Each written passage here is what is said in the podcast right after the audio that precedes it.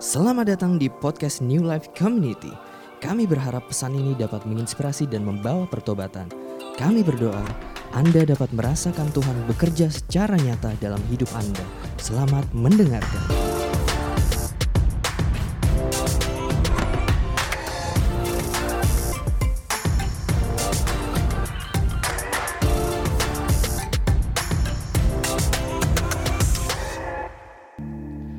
Oke, hai semua yang lagi di rumah, stay at home. Uh, good to be back, senang bisa ke sini lagi. Oke, uh, seperti seseorang yang perlu melakukan medical check up, spiritual check up juga satu hal yang penting buat kita teman-teman. Karena jangan sampai kita pikir kita sudah di perlombaan yang benar, kita pikir kita sudah sudah di race track gitu ya. Tapi ternyata sebenarnya kita belum ke mana-mana. Tapi ternyata sebenarnya kita masih di garasinya nih. Kalau balapan F1 gitu ya. Kita pikir kita sudah lagi bertanding, kita pikir kita sudah sudah sudah sudah pacu mesin sekencang-kencangnya, tapi ternyata bannya aja belum kepasang gitu. Ternyata suara mesin itu suara kita yang mengeluarkan suara mesin gitu, gitu ya. Dan itu ironis kalau sampai akhir hidup kita dan ternyata kita belum ada di perlombaan yang seharusnya teman-teman. Makanya spiritual check up ini sesuatu yang penting dan harus terus dilakukan. Nah, bulan ini bulan yang keren banget karena kita belajar tentang ketaatan gitu ya. Tentang taat. Dan ini satu hal yang sebenarnya umum banget gitu, tapi satu hal yang kita mesti cek. Karena ada banyak alasan sebenarnya kita kita jadi taat. Ada banyak motivasi, ada banyak reason kenapa kamu dan saya jadi taat. Dan siang hari ini, pagi hari ini, gue mau ajak kita untuk bongkar sama-sama. Ya, uh, gue dapat anugerah untuk untuk punya uh, seorang anak dan gue belajar dari parenting uh, satu orang anak gue yang kemarin baru aja umur 6 tahun gitu ya. Dan gue belajar uh, saat mendidik dia, gue belajar untuk melihat ketaatan gitu dari sudut pandang orang tua. Dan setidak-tidaknya gue melihat ada ada ada tiga jenis ketaatan gitu. Ya dua yang pertama gue sebut ketaatan yang low quality kualitasnya rendah. Tapi sering kali kita terjebak di ketaatan yang low quality teman-teman. Ya yang pertama taat karena takut. Ya kadang-kadang gue juga suka membuat anak gue tak anak gue taat sama gue dengan menakut-nakuti dia gitu. Misalnya ini ini salah satu kesalahan orang tua pemula gitu ya. Mandi nggak? Kalau nggak papa bawa ke dokter loh gitu ya. Akhirnya dia jadi takut. Dia taat karena takut. Dia mau mandi karena dia nggak mau ke dokter gitu ya.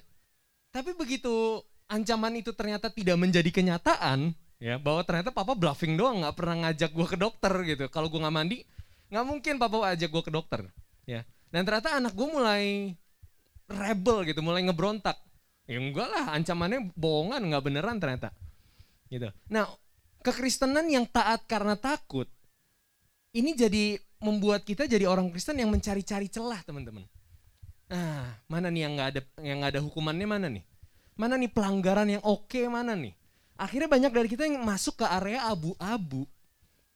Ya, ini paling sering banget ditanyain kalau misalkan dalam talk show atau atau atau seminar youth gitu ya. Biasa pertanyaannya gini, kak kalau melakukan ini dosa atau enggak? Kak, kalau melakukan ini dosa atau enggak? Kak, kalau gue main ini dosa atau enggak? Pertanyaannya seputar itu. Dan ini yang gue sebut dengan ketaatan yang low quality, kualitasnya rendah. Karena dia harus mencari hukumnya, baru dia mau taat. Kalau dia merasa tidak ada pelanggaran, tidak ada hukum yang menyatakan, maka dia tidak merasa obligated untuk taat. Dan ini ketaatan yang low quality. Seperti yang Yesus katakan dengan keras kepada ahli-ahli Taurat dan orang-orang Farisi ya, di Matius 23 ayat 23. Celakalah kamu hai ahli-ahli Taurat dan orang-orang Farisi. Hai kamu orang-orang munafik. Sebab persepuluhan dari selasi, adas manis, dan jintan kamu bayar. Mereka melakukan hukum. Tetapi yang terpenting dalam hukum Taurat kamu abaikan, yaitu keadilan dan belas kasihan dan kesetiaan. Perhatikan yang Yesus katakan. Yang satu harus dilakukan dan yang lain jangan diabaikan. Orang-orang yang taat karena takut cenderung melakukan ketaatannya setengah-setengah, sebagian-sebagian. Karena mereka mencari area mana yang ada hukumannya dan mana yang tidak. Dan mereka membuat dan ini membuat mereka gagal melihat hukum secara keseluruhan. Mereka gagal melihat kenapa sih hukum ini muncul, kenapa lo harus begini, kenapa lo tidak boleh begini. Ini gagal gara-gara mereka cuma fokusnya pada orientasinya pada gue dihukum kan nih. Kalau nggak ada hukumannya, kenapa gue harus taat? Ini ketaatan yang kualitasnya rendah. Dan sadly ini banyak ada di kita. Makanya penting untuk kita melakukan spiritual check up. Kita masuk yang ini atau enggak? Nah, ketaatan low quality yang kedua, taat karena mau dapat sesuatu. Ini ketaatan transaksional gitu. Kalau lo kasih, oke okay, gue taat. Kalau lo nggak kasih, gue nggak mau taat. Kalau lo ada sesuatu yang menarik buat gue, buat gue menarik, maka gue mau taat. Tapi kalau buat gue nggak menarik, gue nggak mau taat. Berapa banyak dari kita yang mencari tahu tentang surga itu seperti apa? Karena kalau kalau surga menarik, maka gue mau taat untuk gue pergi ke surga. Bener nggak? Banyak dari kita yang cari-cari. Dan begitu kita dengar misalkan ada yang bilang di surga itu kita 24 eh, jam menyembah Tuhan, menyembah Tuhan. Boring banget ya. Dan akhirnya kita memilih untuk ah, surga tidak sebegitu menarik. Ah ternyata tidak sebegitu menarik ya. Ah ternyata nggak segitunya. Karena buat dia apa yang akan dia dapatkan nggak sebanding dengan ketaatannya dia. Jadi dia tidak dia oke okay lah dia taat karena agama atau karena peer pressure karena tekanan sosial. Tapi untuk betul-betul taat secara real, secara utuh, ini susah banget.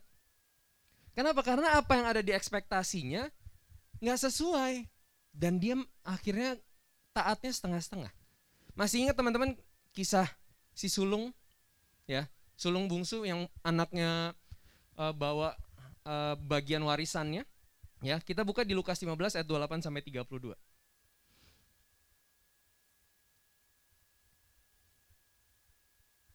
ini isi hatinya si sulung tuh akhirnya keluar. Ya. Lukas 15 ayat 28 sampai 32. Oke, gue bacakan ya. Maka marahlah anak sulung itu. Dan ia tidak mau masuk, lalu ayahnya keluar dan berbicara dengan dia. Tapi si sulung ini menjawab ayahnya, katanya, telah bertahun-tahun aku melayani bapak. Ngambek dia. Ya, dan belum pernah aku melanggar perintah Bapak. Aku nurut loh. Aku taat loh. Tetapi kepadaku belum pernah Bapak memberikan seekor anak kambing untuk bersuka cita dengan sahabat-sahabatku.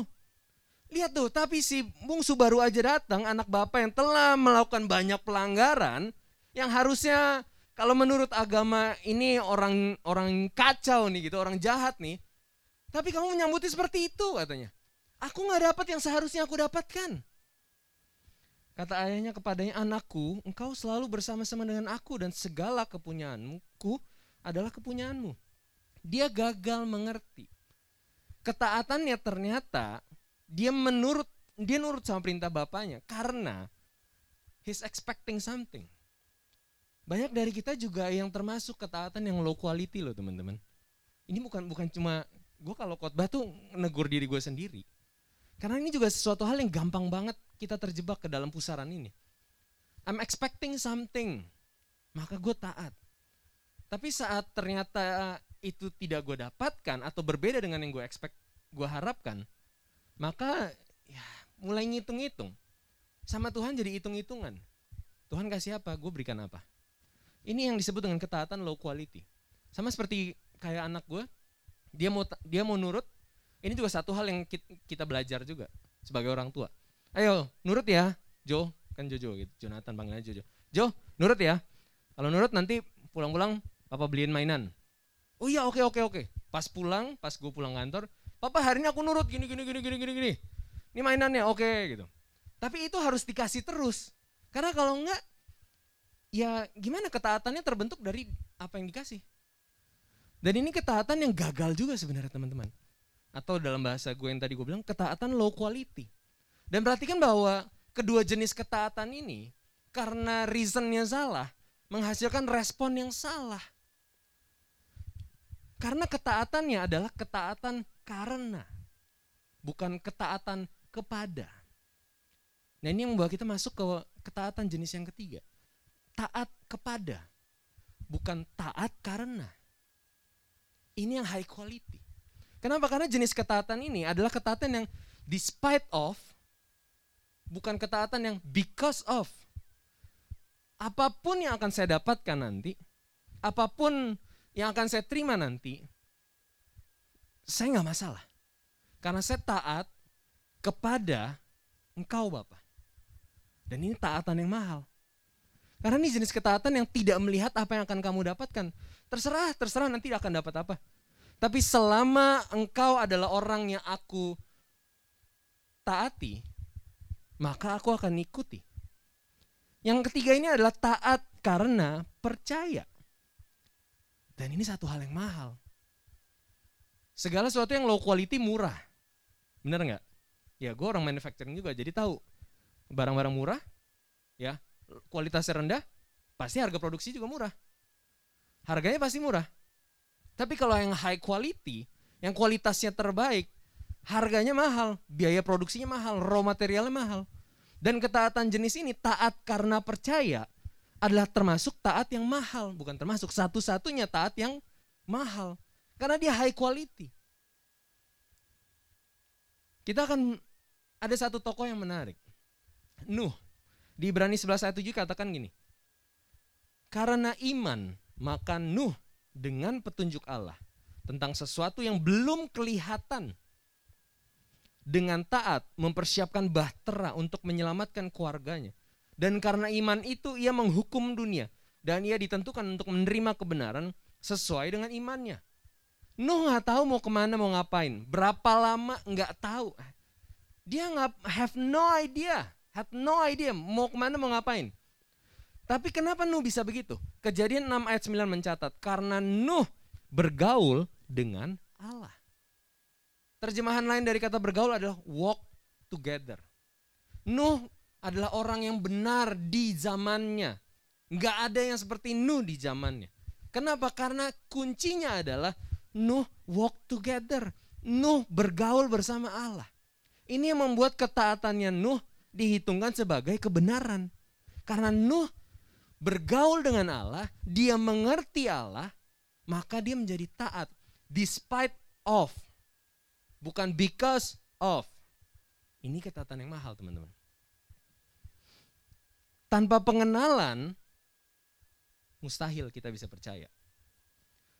Tanpa iman, mustahil kita bisa memiliki ketaatan yang berkualitas. Dan ini semua connected. Kita harus mengenal, maka kita bisa percaya dan beriman, memiliki iman. Dengan memiliki iman, maka kita bisa taat. Dan ini kualitas ketaatan yang mahal. 1 Yohanes 2 ayat 3 sampai 4 secara singkat saya uh, menyimpul secara singkat saya simpulkan barang siapa berkata mengenal Allah tapi tidak menuruti Allah, ia adalah pendusta.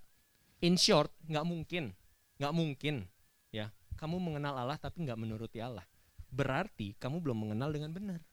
Karena orang yang mengenal Allah pasti percaya Allah dan taat. Karena sequence-nya begitu teman-teman. Jadi kalau kita mau punya ketaatan yang berkualitas, kuncinya adalah mengenal Allah. Ada satu kisah yang menarik dari seorang pemasmur senior. Ya. Mazmur 73 menceritakan tentang Mazmur yang ditulis oleh Asaf. Ya. Kalau kita pelajari tentang Asaf, ini bukan bukan bukan seorang pemasmur kacangan gitu ya. Dia bukan seorang pemasmur newbie gitu. Dia pemasmur senior, jabatannya juga nggak kaleng-kaleng ya. Dia ditunjuk Raja Daud untuk memimpin paduan suara gitu ya. Tapi dia dia penyanyi inti di bait Allah. Dia pemasmur yang istilahnya jam terbangnya udah tinggi lah. Tapi Mazmur 73 mencatat krisis iman yang ternyata dialami oleh seorang Asaf. Mazmur 73 teman-teman bisa buka standby di situ. Mazmur 73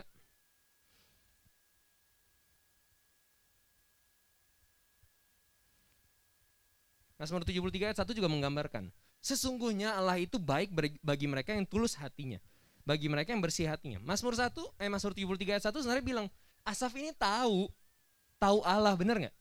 Dia punya pengetahuan tentang Allah. Karena dia bilang Allah itu, sesungguhnya Allah itu baik.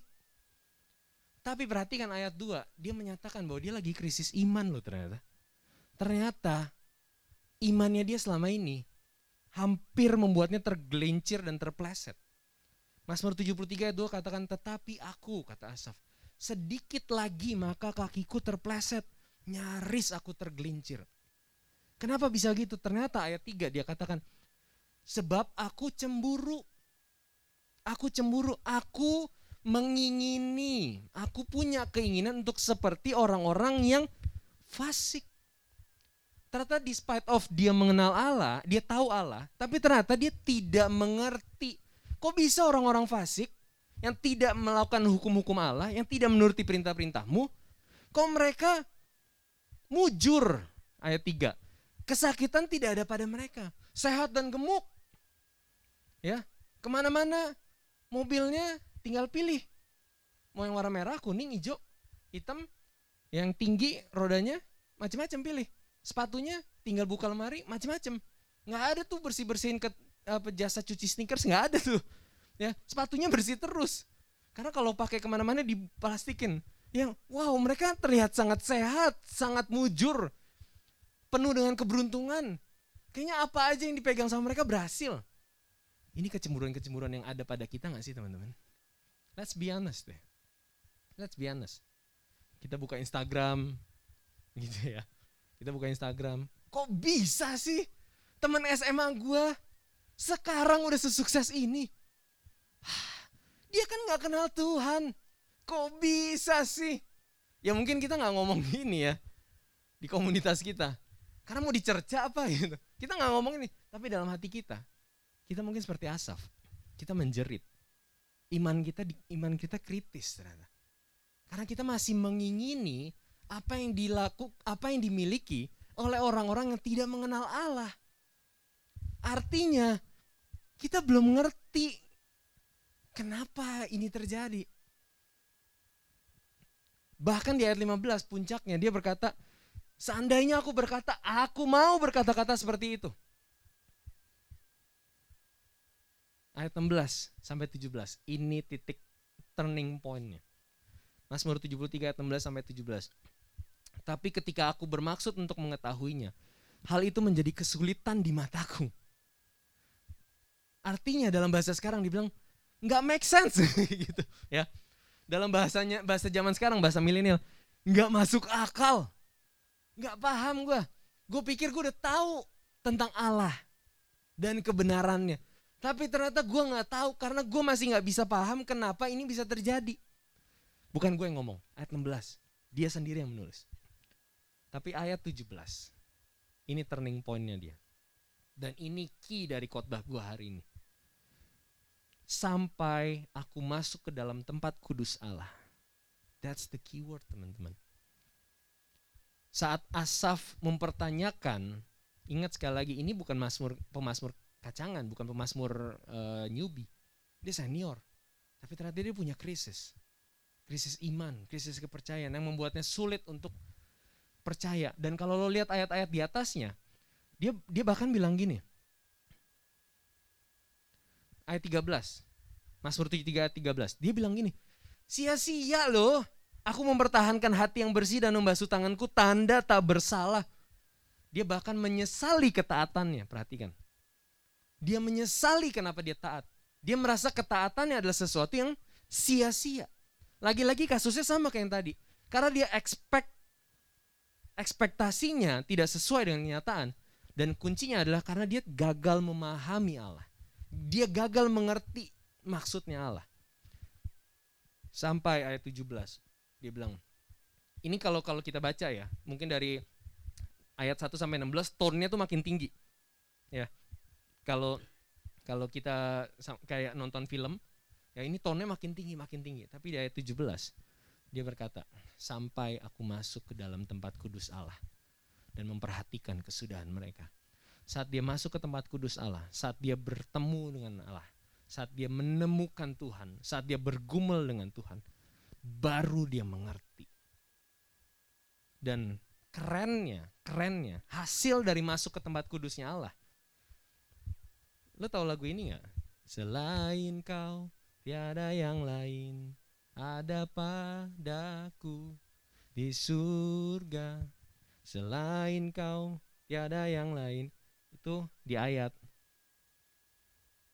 dua mana tadi? 25.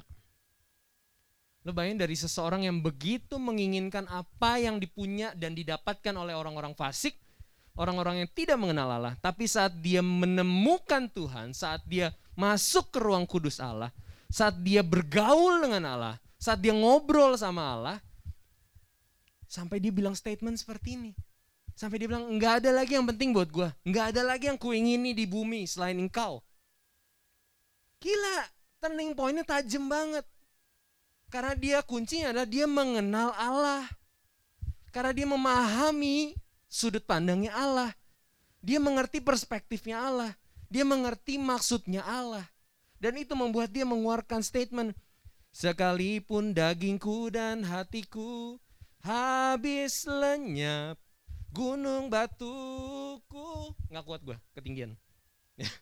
Tapi intinya dia sampai akhirnya bermasuran. Dia bilang, ah, nggak ada lagi yang gue inginin. Oh Tuhan aku udah mengerti. Setelah masuk ke tempat kudusmu, setelah bergaul dengan engkau, setelah bertemu dengan engkau, aku mengerti bahwa semua yang dimiliki oleh orang-orang yang tidak mengenal Allah adalah kesia-siaan, adalah kesementaraan. Kalau lo lihat kata-kata di atasnya, dibilang mereka menuju kebinasaan. Tapi di Mazmur yang lain ditulis, Tuhan melihat jalan orang benar. Tuhan watch over. Tuhan mengetahui, Tuhan memantau, Tuhan supervisi jalan orang benar. Sehingga walaupun kita mengalami hal-hal yang gak enak teman-teman. Hal-hal yang membuat kita geleng-geleng kepala. Aduh pandemi gini, Tuhan kurang aktif apa sih aku? Tapi kerjaanku gak beres-beres, aku gak dapat dapat kerjaan. Bisnisku masih struggling. Sampai kapan Tuhan? Sampai kapan? Ini udah 2021. Semua orang bilang kalau ada vaksin membaik. Tapi tadi kemarin malam gue lihat di Vietnam ada varian baru lagi.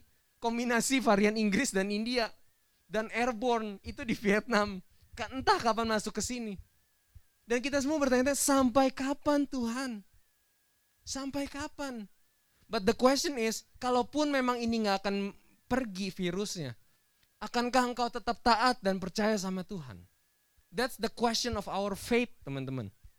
Kalaupun sisa yang ada di bumi nggak lagi mendatangkan hal-hal yang nyaman buat kita, nggak lagi mendatangkan kebaikan rasanya buat kita, akankah kita tetap percaya dan taat? Tapi kita nggak akan pernah bisa percaya dan taat kalau kita nggak pernah masuk ke dalam ruang kudusnya Allah. Dan ini satu hal yang menohok gue banget. Karena begitu banyak kekhawatiran dalam hati gue. Banyak banget pikiran. Waktu pandemi kemarin gue pernah cerita kayaknya gue turun sampai 7 kilo.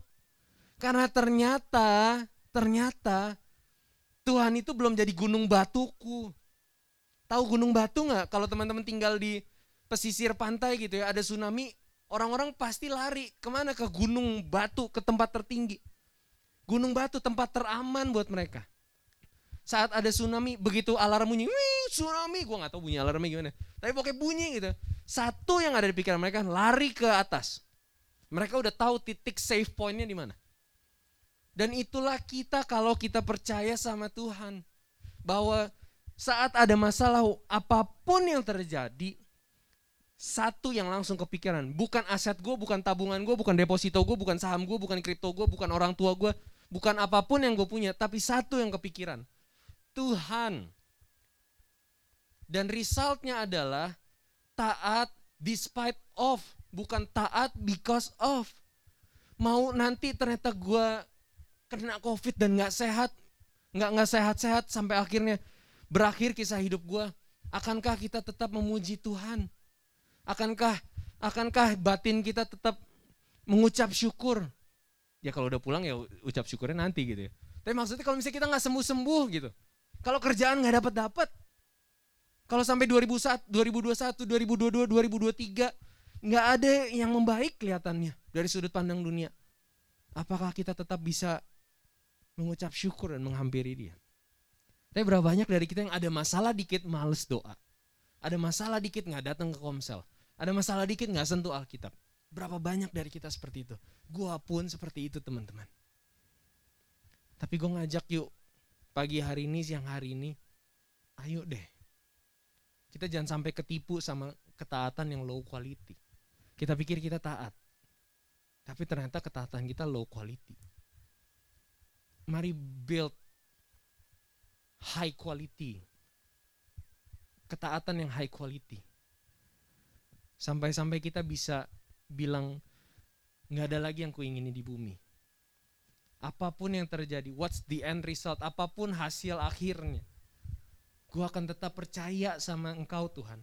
Aku akan tetap taat karena aku percaya yang datang dari engkau hanya kebaikan. Tapi kebaikan versinya Tuhan. Dan ini ini susah.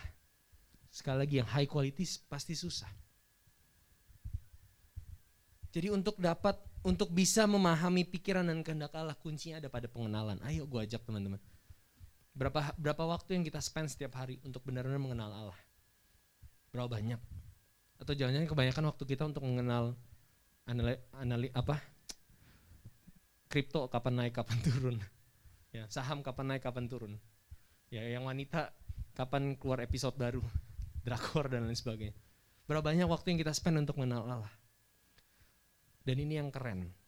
Pengenalan yang bertumbuh akan menghasilkan iman yang bertumbuh. Ternyata iman itu bisa bertumbuh loh teman. Pengenalan yang bertumbuh, pengenalan yang terus bertambah akan menghasilkan iman yang bertumbuh. Jadi saat pengenalan kita berhenti ya iman kita nggak ke mana-mana. Bahkan lebih tepatnya terus decreasing, berkurang. Tapi yang keren dari iman yang bertumbuh yang keren dari iman yang bertumbuh ini gue rasa udah dibahas waktu uh, dua minggu lalu sama sahabat gue Bung Adrian Koe.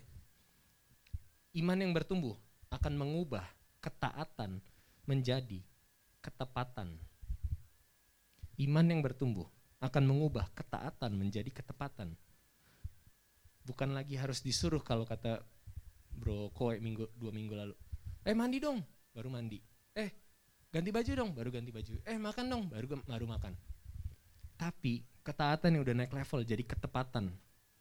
Udah nggak usah disuruh udah tahu. Udah nggak usah disuruh udah tahu. Pikiran perasaan dan tindakan kita udah selaras. Selaras tuh udah nyambung gitu sama bapak. Nggak usah nunggu perintah udah ngelakuin nggak usah nunggu perintah udah ngelakuin karena ketaatan udah berubah jadi ketepatan dan kita udah sama-sama tahu, yang disebut dengan dosa adalah kemelesetan, tidak tepat. Make sense semua ya? Ketaatan akan menjadi ketepatan.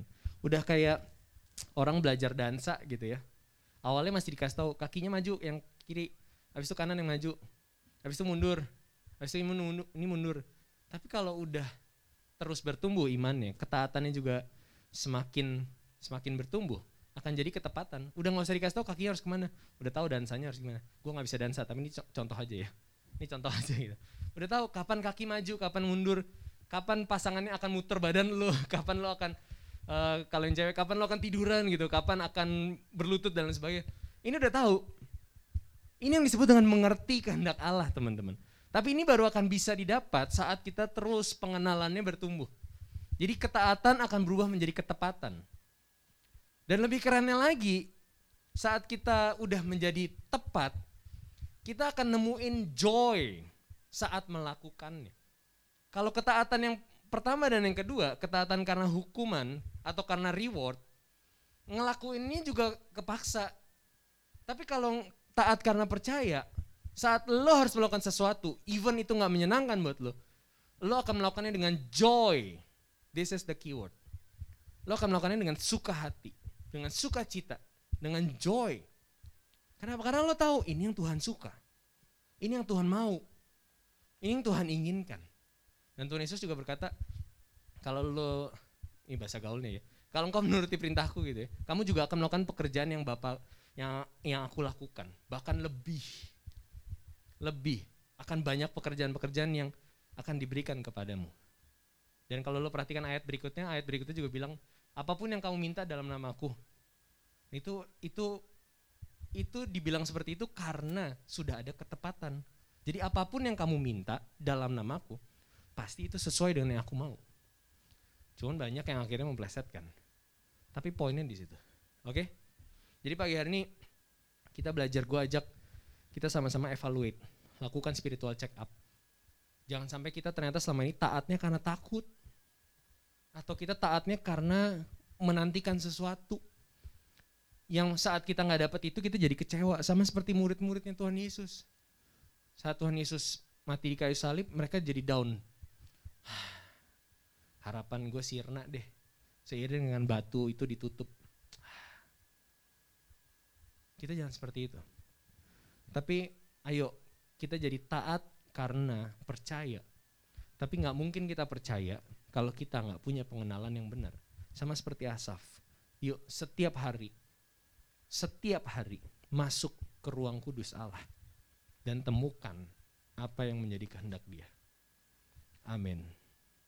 Terima kasih sudah mendengarkan podcast ini. Kami berdoa Anda diberkati melalui pesan yang telah disampaikan. Mari sapa kami melalui Instagram @newlifec dan bagikan pesan ini supaya lebih banyak orang yang diberkati.